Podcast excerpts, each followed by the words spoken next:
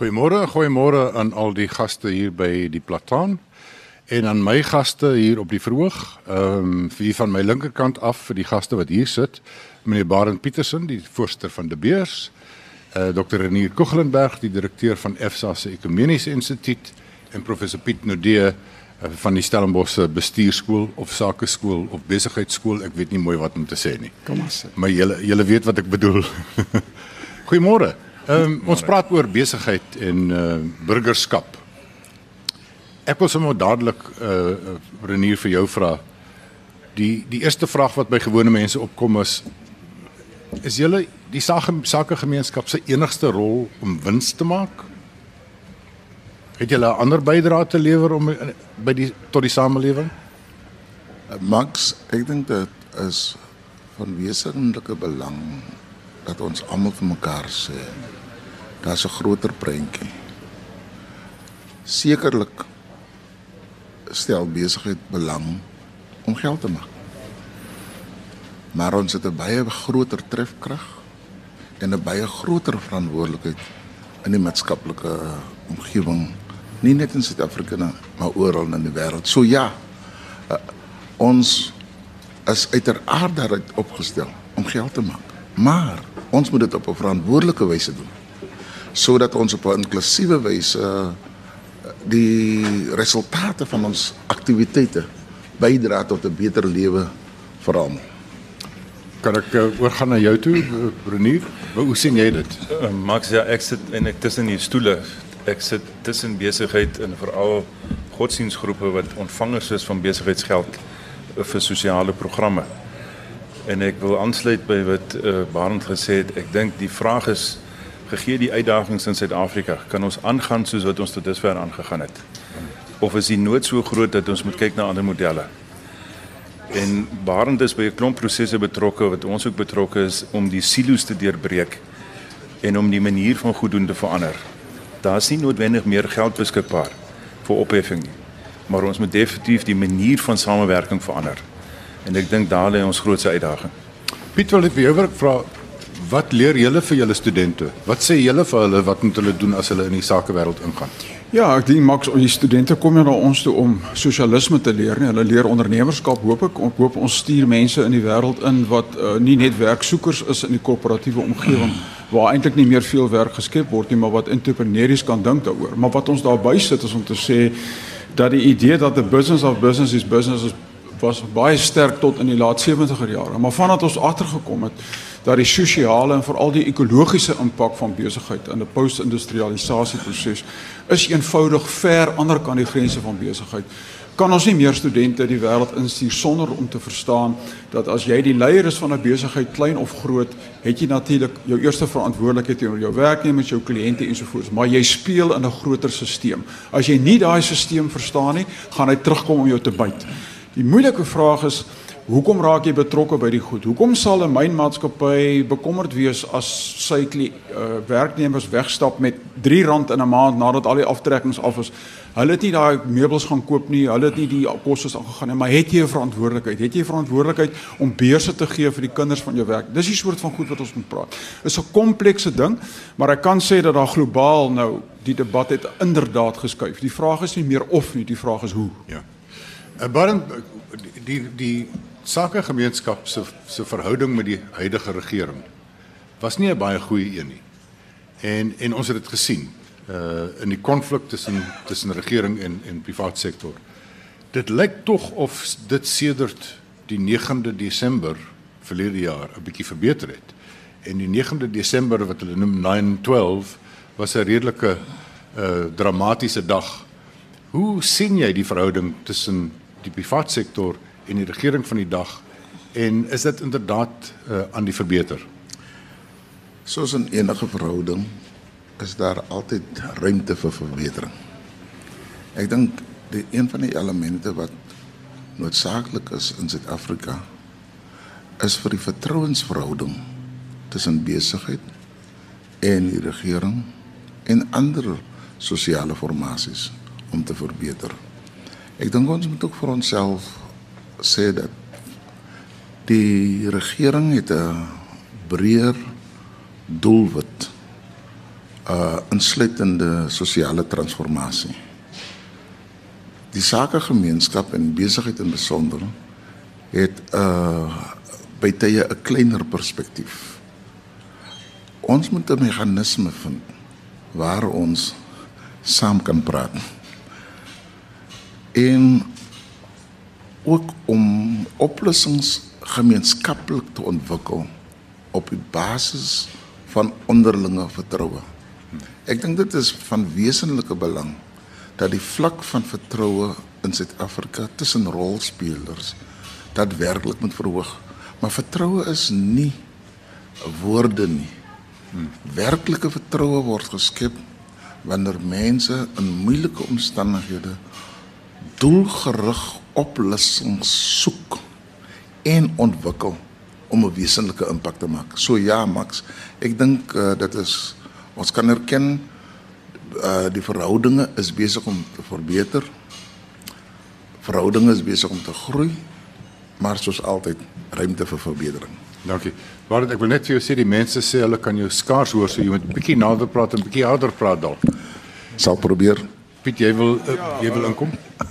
Max, ek is nie seker dat in Suid-Afrika ons op die oomblik 'n gesonde situasie het nie. Ehm um, aan die regering se kant kry ons doodgewoon te veel gemengde boodskappe.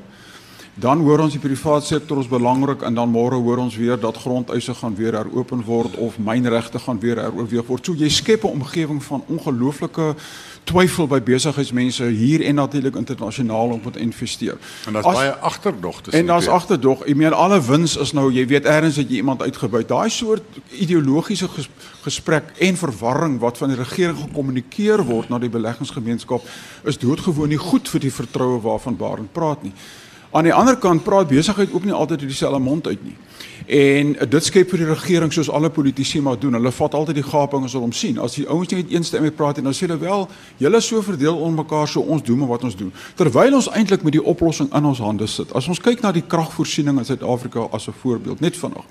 Eskom werk nie, dit is 'n die staat besit hom uh, hy het sy bes gedoen. Ons almal weet ons het 'n probleem. Wat doen die staat? Hy sê wel ek moet alternatiewe energiebronne ontwikkel.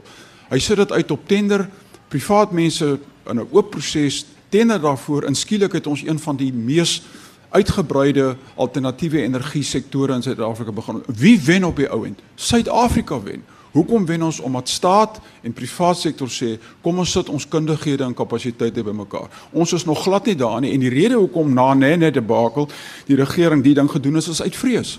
Ek het nog nie die conviction, die oortuiging gesien wat ek graag sou wil sien van die regering kant as nie en ek het ook nog nie die eenheid gesien vanaf die besigheidskant en dis waarom die werk wat Renier doen of die werk wat ons probeer doen in die sakeskole is om die goed bymekaar te bring want ons het 'n goeie toekoms maar as ons dit nie gaan regkry nie gaan ons in twee huisies langs mekaar woon en al twee huise gaan in die grond inval. Ja, dit is ons is in 'n kritieke stadium daarmee want ons uh, ekonomie is onder geweldige druk.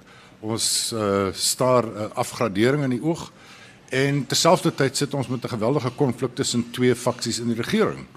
En die een is meer ekonomies ingestel uh onder uh, minister Gordon en die ander is meer ideologies ingestel. Ja. En en en daar lê vir ons 'n probleem letterlik in die volgende paar weke watter faksie gaan die sterkste uitkom. Ja. Ek wil vir ook vir uh, luisteraars vra om uh, deel te neem, uh, deels in die gehoor, die by ons sit, maar ook telefonies, julle by die huis en in julle motors. Die telefoonnommers, ek kom vanmôre agter ek het gister die verkeerde nommer gegee. Ek het gesê 011. Maar ons is hier in die skone Boland, so die nommer is 021 8839013. 889 8839013. So ons sal graag julle gesprekke uh wil hê julle moet aan die gesprekke deelneem en ons gaan net nou ook 'n bietjie die mikrofoon in die gehoor uh rondstuur. Ehm um, ek wil terugkom uh, na na na jou toe Renier wat ek neem aan jy gaan meer vir ons kan help oor die etiese en morele kwessies wat betref uh, die sakegemeenskap. Uh kom ons praat oor historiese uh, verantwoordelikhede uh wat wat die sakegemeenskap uh het in, met ons geskiedenis en en uh ek moenie huiwer om oor uh, uh Barend se besigheid ook te praat nie. ons het goed gehad soos Marikana wat natuurlik niks met die beeste te doen gehad, maar ons het goed gehad soos Marikana, die slagting daar. Ehm um, daar is 'n bietjie van 'n 'n vraag ehm um, aan die sakegemeenskap veral in die mynbou. Het julle nie 'n spesiale verantwoordelikheid om te help ehm uh, met die opbou van 'n nuwe Suid-Afrika nie, met die regstel van die skeeftrek van ons geskiedenis nie? Max, dis nou 'n 'n moeilike bou jy na my toe gooi want ek ek aanvaar dat ons dit besigheid het 'n morele etiese verantwoordelikheid, maar ons almal het dit, nie net die besigheidssektor nie. Ehm um, ons almal het in hierdie land die vraag om te vra, gegee ons geskiedenis en gegee wat die uitdagings is, moet ons nie iets ekstra doen nie. As ons buitengewone omstandighede het wat ons ons almal se bydra. Besigheid is uniek. Uh miskien het hy histories net 'n klein groep bevoordeel. Nie net ook in Suid-Afrika maar internasionaal. Ek dink dis een van die interessante debatpunte by van die goed wat waarin ek by betrokke is. Jy sit met 'n internasionale model. Jy gaan nie die spelreëls in Suid-Afrika verander kry dat dit hier anders geld as op ander plekke nie. Maar wat jy wat jy wel kan vra as jy hier is, kan jy aanvaar dat as jy die tradisionele goed doen van corporate social investment uh as jy jou aanskaffingsprosedures gebruik om te bemagtig uh as jy massief baie geld klaar weggee vir onderwys en opleiding maar jy sien nie die impak daarvan nie. Wat moet jy anders doen? Want as ons aanhou om die goed op dieselfde manier te doen dan gaan dit nie verander nie. En ek dink naas die etiese morele verantwoordelikheid is die vraag waar ons sit is as ons nie nuwe soorte van vennootskappe vorm wat werklik impak kan hê nie Ons kan droom oor meer geld. Ons is nie in 'n fase in die wêreld waar geld rondgegooi word nie. Ook nie van besigheid nie. Die vraag is of die beskikbare geld beter aangewend kan word hmm. en gemeet kan word en ek dink dit open ook die debat oor die die die nasionale ontwikkelingsplan wat Suid-Afrika het. Die die hoeksteen daarvan is vennootskappe. Ja. Maar daai vennootskappe gebeur nie. Daai vennootskappe moet elke dorp gebeur. Dis nie net die beursgroepe of of of die groot maatskappye nie. Hulle het 'n verantwoordelikheid. Maar op elke dorp is daar besighede en op elke dorp kan besighede in samewerking met met met met met ander groepe wat sosiale werk doen, vennootskappe vorm om met die bestaande geld en die bestaande kundigheid groter impak te hê. So ek dink ek ja. wil nie besigheid isoleer as die enigste ons wat moreel verantwoordelik is nie. Ek dink dis 'n vraag wat vir besigheid en al die ander rolspelers geld. Gegee ons geskiedenis, maar veral gegee ons uitdaging dat ons in 'n ander rad moet oorskakel. Dankie, uh, dit was die stem van Renier Kogelenberg. Ons praat ook met Baron Petersen en Piet Nodee uh, van die Sakeskool wat uh, ons borg is hier op uh, Praat saam. Ehm um, ek het vir Jeff van Berdasdorp uh, op die telefoon. Jeff, môre, wat is jou bydrae? Môre, ehm uh, um, man, my bydrae is net ek sal gou wees en dis miskien 'n bietjie van 'n Donald Trump. Maar wat ek wil sê is een van jou sprekers, ek dink dit was Barend gesê het wins is nie noodwendig die hoofdoel nie by by die private sektor nie. Ek wil wesentlik van hom verskil. Wins is die hoofdoel.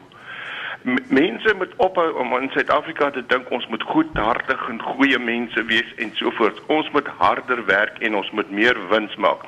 Dan sal daar meer belasting wees en dan sal daar meer vir almal wees. Dis die eerste punt. Tweede een ons moet die besigheidsetiek, die standaard van ons etiek opstoot. Daar moet meer eerlikheid in ons werk inkom. As almal hard werk en eerlik werk, sal ons almal ryker word. Ek wil net een beperking, dis my laaste punt, uh voorstel. En dit is dat hierdie bonusse wat uitbetaal word aan bestuurdende direkteure of uitvoerende beamptes is heeltemal buitensporig. Dit is nie gekoppel aan prestasie nie. Uh ek wil byvoorbeeld voorstel dat wetgewing ingestel moet word dat die persentasie van ehm uh, wins wat 'n maatskappy maak. Dieselfde persentasie moet wees aan die bonus wat aan so 'n beampte uitbetaal word uh van sy salaris. Uh ons hierdie mense vat net nie verantwoordelikheid nie en dit is 'n NGO is wat so, byvoorbeeld Eskom mense wat nie veronderstel is om 'n wins te maak nie. Dan moet daar ehm um, ander uh koppel kom aan die uh, bonus hoe hy bereken word. Ons moet daai bonusse beperk en die winste winste moet opgaan. Dan sal glo ek dit beter gaan in hierdie land van ons en sal die regering ook dan regkom. Dankie Jeff, daai die Oeverberg. Ek dink nie ek sien koppe knik hier eerder as om van jou te verskil. Ehm uh, Barend, jy wil hom daarom net reghelp. Ek dink hy het jou 'n bietjie misgehoor oor oor wat jou primêre uh winsmotief is. Ek het geen ehm um, apologie ten opsigte van die noodsaaklikheid van verantwoordelike wins. Hmm. Wins moet op 'n verantwoordelike en volhoubare wyse gemaak word. Sonder wins is daar geen geld. So dan moet op 'n verantwoordelike wyse wel wins gemaak word. Ek stem saam met hom oor die kwessie van etiek. Dit is baie belangrik dat daar groot mate van eerlikheid is. Ehm um, om egter te oor 'n wetgewing te oorweeg oor bonusse is 'n bietjie om oorboord te gaan. Ek dink nie die ehm um, ehm um, van uh, van buitensporige bonusse is noodwendig iets wat deur wetgewing geadresseer moet word. Hoe dan? Dit is on, as 'n gewone as gewone lede van die publiek sit ons na hierdie goed en kyk en sê dit kan tog nie wees nie. 'n Man wat hier 20, 30 miljoen rand 'n jaar as 'n bonus kry en sy staatsonderneming het nie behoorlik gewerk nie. Hoe doen ons dit dan met druk uit die burgerlike samelewing?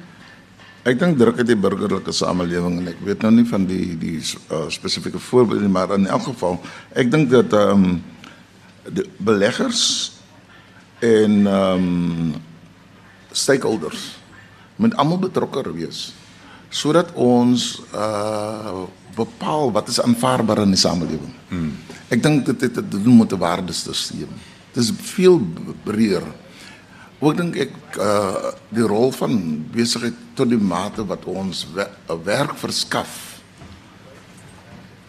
is dit 'n belangrike komponent en daarom in in as ek vandag kyk uh Pieter het nog gepraat van the business of business used to be business. Vandag het ons 'n baie groter spektrum uh van uh, mense met wie ons met met skakel in in ag neem. Ek dink die die die impak van van formasies het 'n uh het 'n modereringsimpak op gedrag en optrede.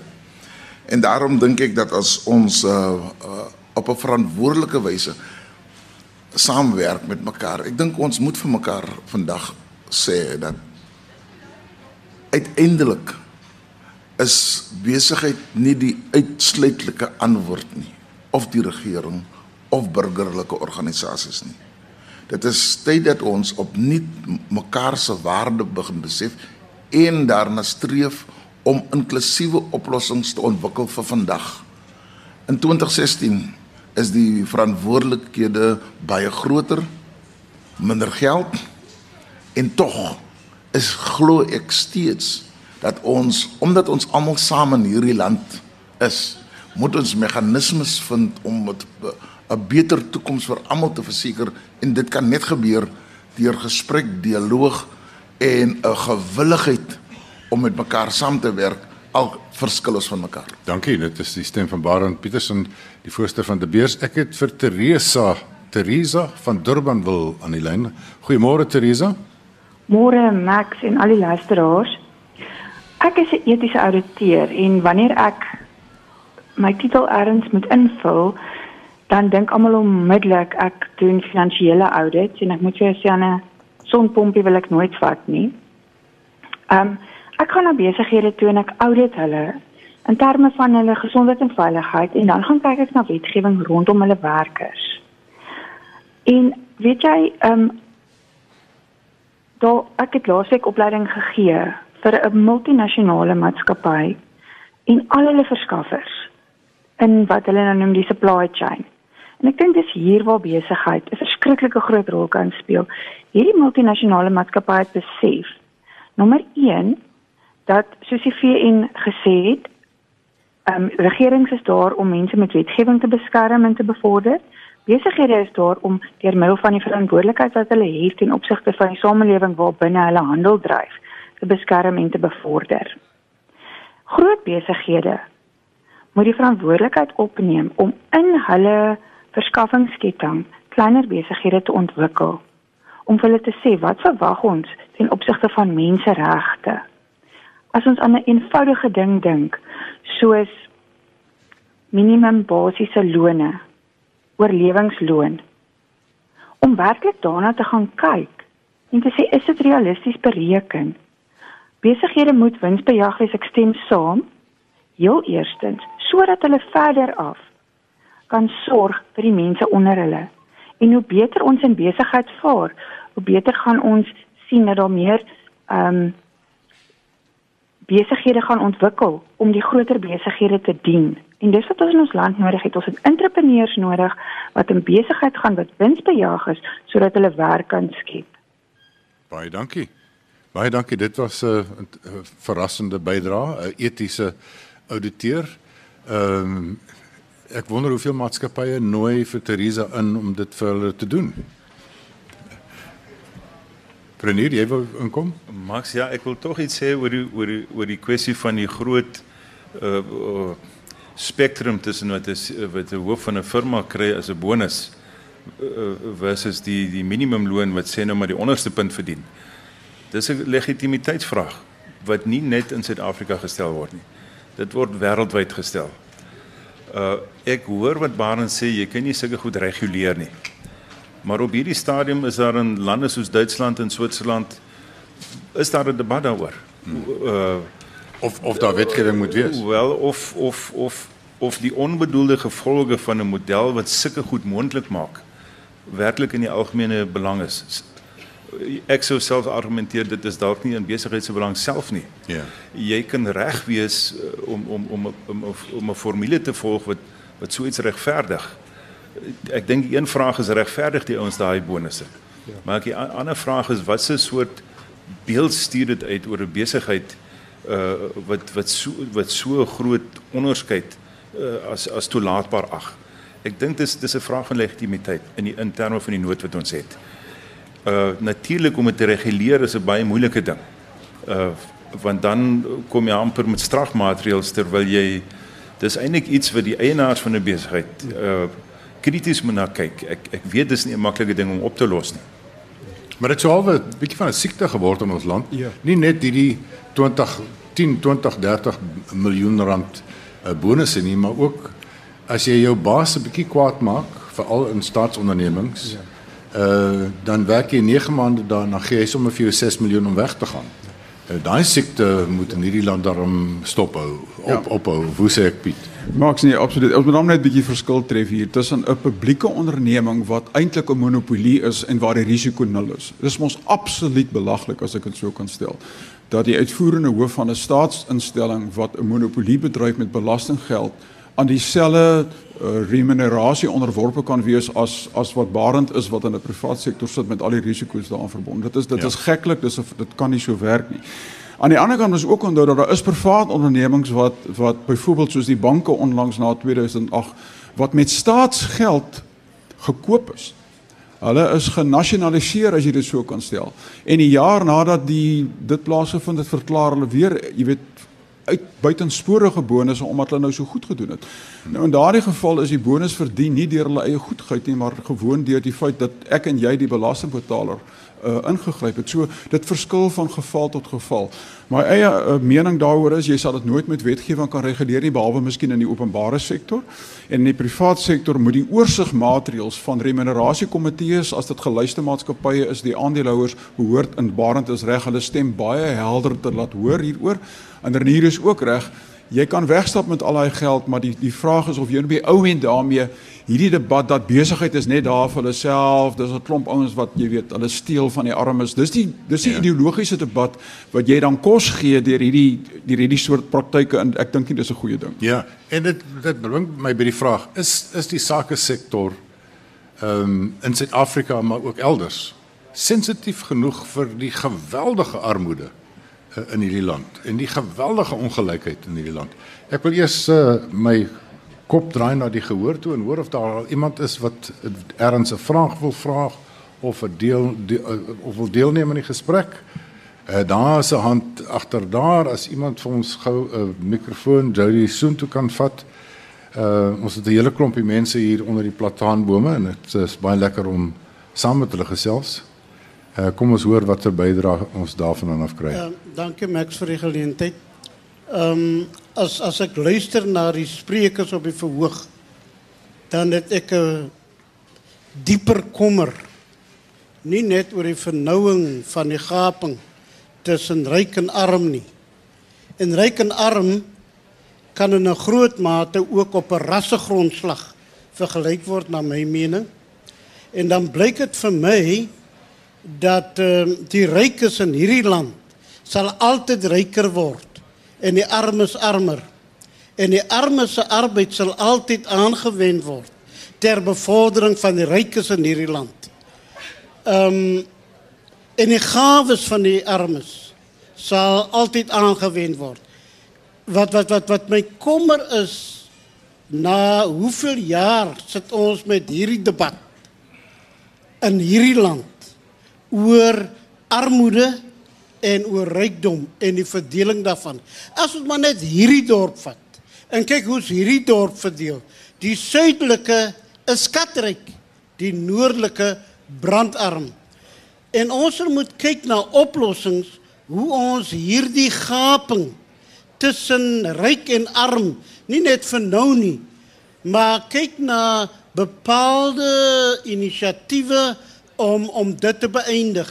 Um en ons kinders word ongeduldig en en ons moet ons klaar maak vir vir vir iets ergers wat wat wat wat moontlik aankom kan wees in in terme van hierdie situasie van die ekonomie en die en die onregverdige verdeling van die ekonomie en ook hoe dat mense, ander mense se arbeid misbruik en en en en gebruik ter bevordering van hulle eie rykdom. Baie dankie. Dit is 'n sinryke bydrae en ek dink dit is 'n goeie punt vir ons om mee te praat, oor te praat. Dis nie 'n Suid-Afrikaans alleen probleem nie, dit is 'n probleem oral in die wêreld waar die rykes ryker word en die armes word arm. En dit is ook een van die redes waarom mense sê die kapitalisme het, het in 'n krisisstadium ingegaan. Ja. Ehm um, kom ons praat 'n bietjie daarom en en en gesels oor die ja. oor die standpunt wat daar gestel is. Piet, wil jy afskop? Ja, net vanaand om te sê uh, wat die spreker daar gesê het is is is nie nuut in die in die in in in in die, in die ekonomiese wetenskappe nie. Ons weet, ek meen Karel Marx het al gesê kapitalisme het 'n inherente spanning en die spanning sal op die ou end kapitalisme self vernietig. Wat Marx nie kon sien in 1870 is wat dat kapitalisme 'n middelklas geskep het wat die kussing vorm tussen die heel armstes en die heel rykes. Wat in Suid-Afrika gebeur het in 1994 ons het die syfers is dat met die oordrag van ons maandelikse betaling aan omtrent 16 miljoen mense in die land het ons die armste armste deel van die bevolking ten minste uitgelig uit wat ons kan noem basic poverty. Die 2 dollar 'n dag idee. Ons is uiters suksesvol gewees. Dit is gedoen met belastinggeld en 'n regering wat ek dink baie verantwoordelik opgetree het in daardie verband. Die tweede ding wat gebeur het in Suid-Afrika is dat die middelklas wat geskep is, is nie meer wit nie. Ons het inderdaad dit reg gekry om 'n klomp mense in die middelklas in te skuif wat Suid-Afrika die stabiliteit gee wat in enige verdeelde samelewing kom. Die die die die probleem en dit het Piketty vir ons gewys in sy werk is die probleem is in kapitaalongelykheid. En daar's die spreker 100% reg. As jy nie in die stelsel is nie, hoe kom jy daarin? As jy 'n werker is en jy sterf as 'n werker, dis verskriklik moeilik om in te breek in wat ons noem kapitaalongelykheid. So Suid-Afrika sal ernstig moet gaan kyk op watter manier kan ons die ongelykheid wat ons ek dink redelik goed bestuur het nou toe verder kan uitbrei. En ons opsies is nie baie nie, maar my ander sprekers ek gee hulle graag 'n kans. Ons sit op 'n tydbom as die persepsie bestaan dat my toekoms sal nie vir die volgende slag beter wees nie. As iemand niks op om te verloor nie, dan brand hy 'n biblioteek af. As niemand nie voel dat hierdie stelsel werk vir my en hy skep vir my ergens 'n pad vorentoe nie. Ek het groot geword as 'n redelike arm Afrikaner uh in die tyd. Ek het onder apartheid groot geword. Maar een ding het my ma en my ouers vir ons geleer, jy moet gaan leer. Want deur opvoeding het jy die kans om te ontsnap uit die onderkant van die leer ten minste na die middel van die leer. Vandag is ek middelklas. Dan maar dit neem 2, 3 geslagte om daar te kom. En ek was nog bevoordeel ook deur 'n stelsel wat vir my toegang tot hierdie universiteit gegee het, toe van die sprekers en ander mense wat vandag luister nie toegang gehad het nie. Ja. Vandag het ons daai toegang. Die kans is ons moet daai kans nou gebruik. Ja. Want ons praat hier ehm um, van 27 miljoen mense wat na 1990 gebore is. Die die die verkeerde naam wat vir hulle gegee word is die is die born freeze. 27 miljoen van hulle Werkloosheid onder hulle tussen 16 en 24 is oor die 70%. So dis as jy praat van mense wat sê ek het niks om te verloor nie, dan betaal jy praat jy van meer as die helfte van die Suid-Afrikaanse bevolking. Ehm um, kan ek nog menings kry oor hierdie groot probleem van armoede en en hoe is die kapitalistiese stelsel in in krisis en wat moet wat staan ons te doen? Maar wat, wat ek nog wil wil, wil toevoeg daarbey wat die probleem vererger is die soort van uh, ekonomiese veranderinge nou uh, beteken dat werk in die toekoms geskep word in in bedrywe wat absoluut gevorderd is sodat jy al minder mense nodig het om die werk te doen. Sodat selfs in die Europese konteks mense sê hoe bestuur jy jou sosiale stabiliteit in 'n konteks waar jou tradisionele maniere van massas mense in diens neem is verby. Jy het met nuwe tegnologie en dis die digitalisering van die wêreld het jy al minder mense nodig om die werk te doen. So ons soek entrepreneurs om vir ons uit te dink, hoe kan jy hierdie mense weer insluit in die gemeenskap? Is dit net politici se verantwoordelikheid? Ek dink nie daar's iemand wat weet nie. Ek het ons het verlede week in Piet en Barend was albei betrokke by 'n Duits-Suid-Afrikaanse konferensie wat ons gereël het wat ook geraak het oor die goed en een van die Duitse sprekers uh, het gesê en en en dis baie bekende ekonom dat ongelykheid is in elk geval sleg vir die ekonomie. En ek kan dit met syfers bewys en uh maar dit gaan om meer as net ekonomie. Dit gaan om menswaardigheid. Hmm. Al en en rykdom is in die sin 'n baie relatiewe ding.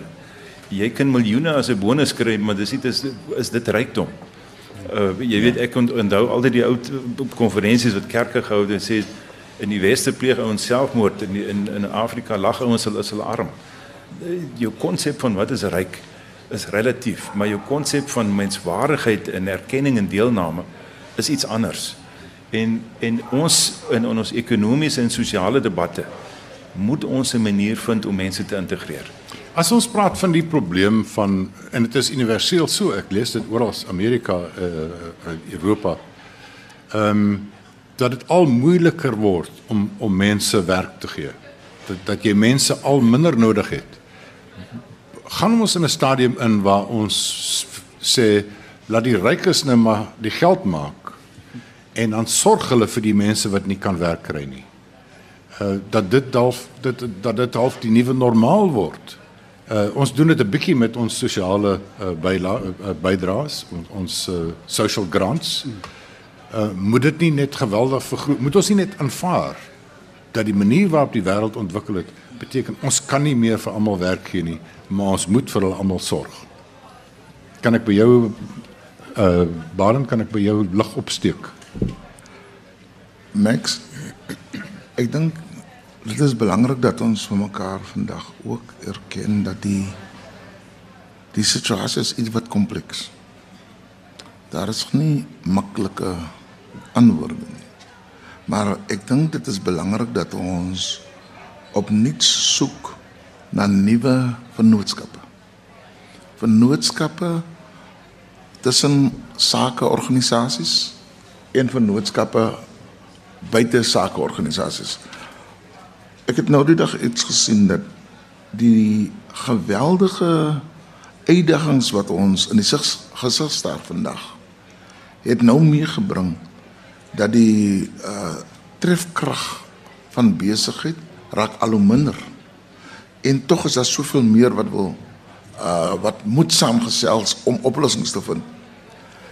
Benewensbeleggers het ons die, die nie regeringsorganisasies, ons het akademieë en ek dink ook is daar 'n 'n element 'n aspek van ons samelewing wat nie altyd uh reg laat aangeskied word in tog ten opsigte van deelname en dit is ons geloofsorganisasies.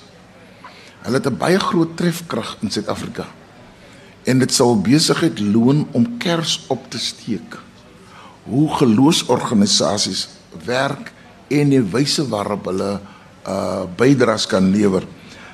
Vandag is daar egter ook 'n probleem van geloofwaardigheid. Dit is al hoe meer belangrik dat ons nie namens mense besluit nie, maar dat mense saam met ons besluit besigheid het redelike sterk programme benewens hulle belastingverpligting nie. Uh in die mynwese die social and labour plans en so voort. Maar die belangrikheid dat mense saamgesels oor wat hulle raak en die ontwikkeling van inklusiewe oplossings glo ek gaan uh vir ons help om geleenthede te skep om armoede te ontsnap. Ek dink mense behoort 'n geleentheid te hê om armoede te ontsnap. Die enigste manier in my ervaring om armoede werklik te ontsnap is uh opleiding. Ja.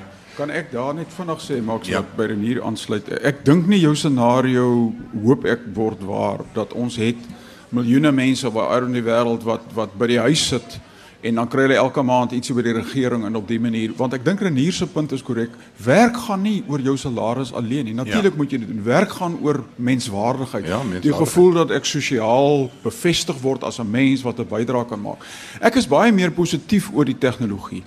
Maar dan moet dan met Barend se ding wat hy nou gesê het waar kom.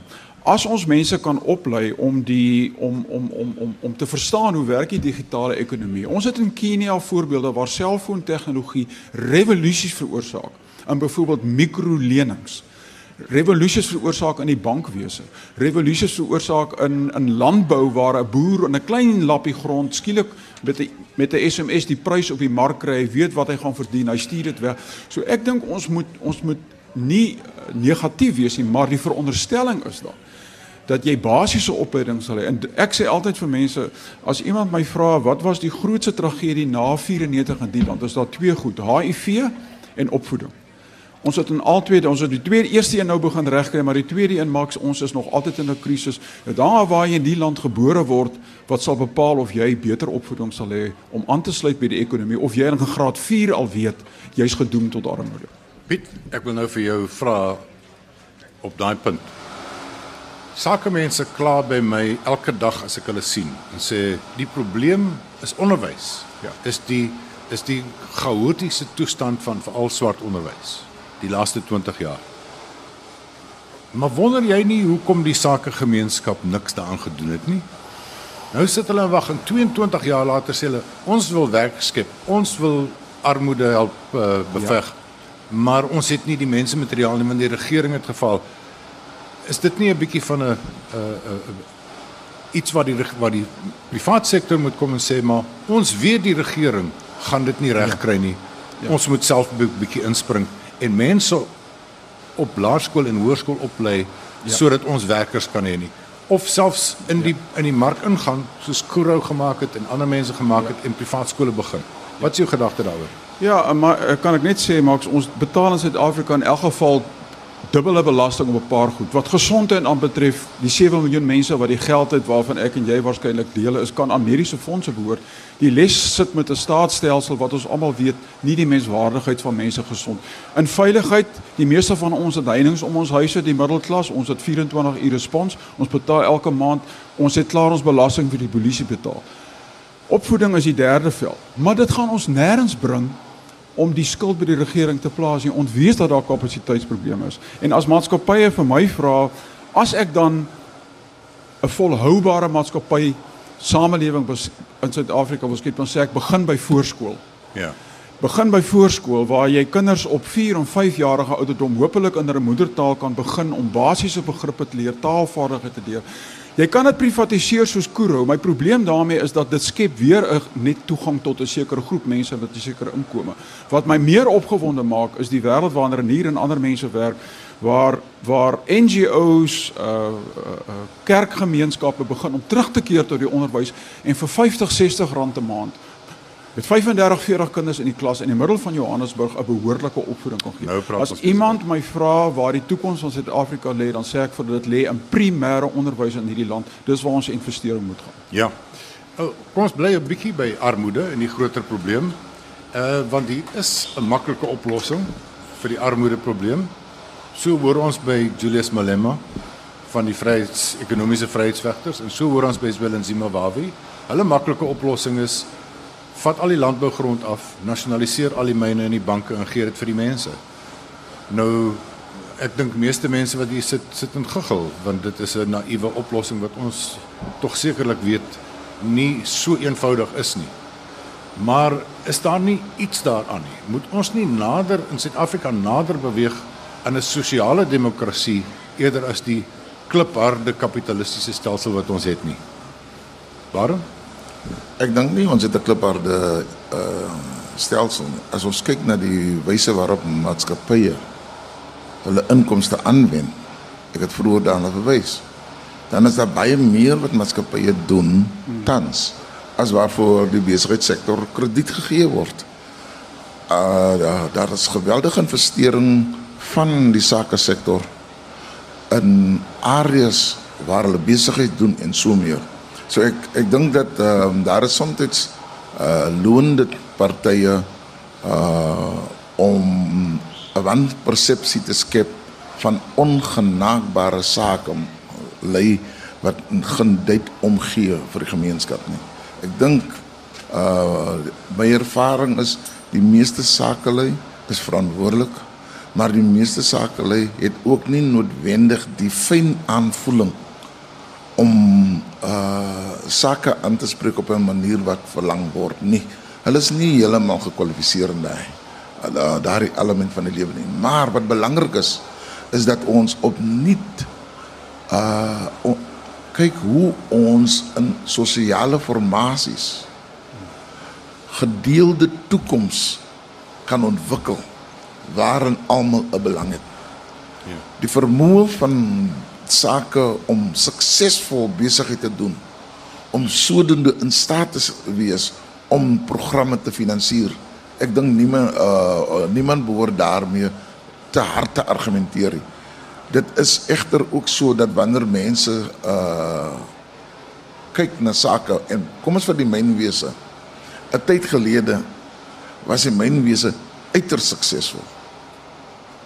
En almal wou daarin belê en nasionaliseer. Vandag is die mynwese die omgekeerd het. Ja. Uh en dis die siklus van die lewe. Ja. En daarom moet ons inklusiewe op uh, oplossings vind. Ek dink ons moet kyk na se toekoms 'n bietjie anders. En as ons daar uh gebruik maak van die kundigheid van alle Suid-Afrikaners op alle vlakke, dan kan ons oplossings ontwikkel wat volhoubaar is. Goed, dankie. Kom ons praat 'n bietjie oor social democracy. Is, is wat is jou gevoel daaroor? Ek ek wil in 'n mate met met met met uh saamstem met uh, Barend. Ek dink nie ons het 'n harde kapitalistiese model meer. Ek dink die hele wêreld is 'n sosiale verantwoordelikheid is deel van die nuwe pakket. Uh hoe dit in Suid-Afrika gaan werk of nie werk gaan gaan afhang hoe ons hierdie groot gros van jong ongeskoolde arm jong mense gaan help of nie. Dis 'n absolute enorme uitdaging. Max en daar ons tyd is nie genoeg om dit in detail te bespreek nie, maar daar's net een ding wat ek wil sê. Daar is hoop modelle in die wêreld waar dit suksesvol omgedraai word. En daar's net een sleutel om dit te doen en dit is slim vennootskappe. Veral internasionale finansiers, eh, bankiers wat in die Filippyne en in Singapore en ander plekke op 'n op 'n wetenskaplike manier armoede omdraai, slums ophef, mense menswaardigheid gee. Dis nie ouens wat dit doen om net goed voel om armes te help. Hulle doen dit as bankiers. En daar's koop stabiliteit. Ja, dit gaan oor stabiliteit vir die hele land. Ja. En daar's in Suid-Afrika baie goeie voorbeelde en modelle. Ons moet net die silo's breek waarna ons almal werk en ons moet die vennootskappe bou wat wat volhoubaar is wat nie verwag dat in 3 maande gaan jy die probleem oplos nie. Ja. Dis 'n 5 na 10 jaar projek uh van almal om 'n uh, kommitment vir hom saam te werk. Kan ek ek wil jou uh, Piet beslis daaroor hoor. Is hier 'n hand in die gehoor? Daar is inderdaad 'n paar hande. Jody, kan jy nader stap? Uh en vir ons hoor, ons het so 'n hele paar hande uit die gehoor hier onder die plataanbome. Uh kom ons hoor wat is die bydraes hier? Uh Goeiemôre. Max ja, wat ek graag wil vra is die of die groot probleem van te veel mense in die wêreld aangespreek word. Hmm. Ons hoor nie iets van die VVO wat dit op wêreldwye basis doen nie. Uh, ek wil vir die paneel vra, hoe dink hulle wat kan gedoen word? ge- daar word wel aandag gegee op 'n op die manier soos byvoorbeeld maatskaplike werkers gesinsreëling. Maar selfs ek het al die jare nog nooit gehoor dat RSG ook uh, iets uh, da, in die verband bespreek nie dat dit gepropageer moet word. Te veel mense, te veel mense. Daar's nie meer werk vir almal en daar's nie meer huise vir almal oor die wêreld nie. Dankie, dit is 'n bydrae. Daar's uh daar's nog 'n vraag reg agter. Goeiemôre. Ek wil baie graag praat oor die gejaag na wins teen die sukkelende internasionale ekonomie en hoe die gewone man op straat um, daardeur gewurg word met daardie dreigement natuurlik. Um elke keer hoor ons dat um die ekonomie sukkel, internasionaal doen almal swakker en swakker en swakker, maar steeds um teken so baie korporatiewe organisasies net winste aan. Daarom dink ek dat korporatiewe gesondheid moet ook gemeet kan word aan die aantal werk wat geskep word, internskappe wat beskikbaar is en beurse wat beskikbaar is. Want ek dink as ons net van ons winste uh, terug belê in ons besighede of in korporatiewe gesondheid en etiek natuurlik, dan sal dit werk. Die tweede probleem wat ek ook dink ons moet aanspreek in hierdie land is die klasstelsel in ons tersiêre instellings waar ons die universiteite het, dan het ons universiteite van tegnologie en die TVET colleges. Daar is 'n groot emphasis of um uh, klem op die dat ons moet universiteit toe gaan, universiteit op toe gaan, maar ons praat nie van TVET colleges die belangrikheid van tegniese um vaardighede, um plumbers, um uh, uh, skrynwerkers en so meer. En op die oomblik dra die staat die hele las van ons TVET colleges, want ons kan nie eens daaraan dink om byvoorbeeld um geld te vra daarvoor nie. En daarom dink ek ons moet in ons uh, samelewing herrangskik en kyk na wat is belangrik, want aan die einde van die dag het ons alle vaardighede nodig, maar op die oomblik dink ek dat waar ons kan werk skep wel is um, die vaardighede wat deur ons TVET colleges voorsien kan Baie word. dankie, baie dankie. Ons het interessante bydraes vanmôre. Ehm um, Piet nou ek gaan na jou toe kom en dan moet jy vinnig vir ons die boksies tik. Oh. Het ons te veel mense? Ehm um, die almal sê die internasionale ekonomie sukkel, maar die winste neem toe en die laaste punt van tersiêre instellings en die verkeerde fokus. Kan jy Ja, vinnig e- daarop eerste vraag het ons te veel mense absoluut. Ons almal weet dat die demograwe sê vir ons die aarde se draagkrag is nou so dat ons 2.4 aardes nodig het om die soort van aspirasies van 'n wêreldbevolking wat almal soos Amerika wil lewe na te streef. Dis inderdaad so ons weet wat die antwoord is. Jy gaan of 'n one child policy in China hê wat absoluut aan my mening menseregte en 'n sosiale wan uh, gevolge tot gevolg het of jy jy investeer in opvoeding. Ons het duidelike teken dat die aantal kinders per vrou neem dramaties af in direkte ooreenkoms met die opvoedingspyl. Dis die antwoord. Die tweede ding rondom die winste, dit is inderdaad so dat uh ons ek wil terugkom by die punt wins in sigself is nie verkeerd nie. Barend het duidelik gesê, die vraag is hoe dit behaal is en is dit verantwoordbaar? Daarom dink ek nie ons moet sê omdat iemand ten spyte van 'n slegte wêreldekonomie omdat hy toevallig uitvoer en in dollars betaal word en sy winste opstoot vir hom dan kritiseer daaroor. nie. Die vraag is wel is hoe herinvesteer jy? Die laaste ding, ons opvoedingsstelsel is totaal verkeerd. Nie net na skool nie, ek gaan my mening daaroor gee. Ons behoort minder universiteite te hê, baie meer tegniese kolleges met die probleem begin vroeër.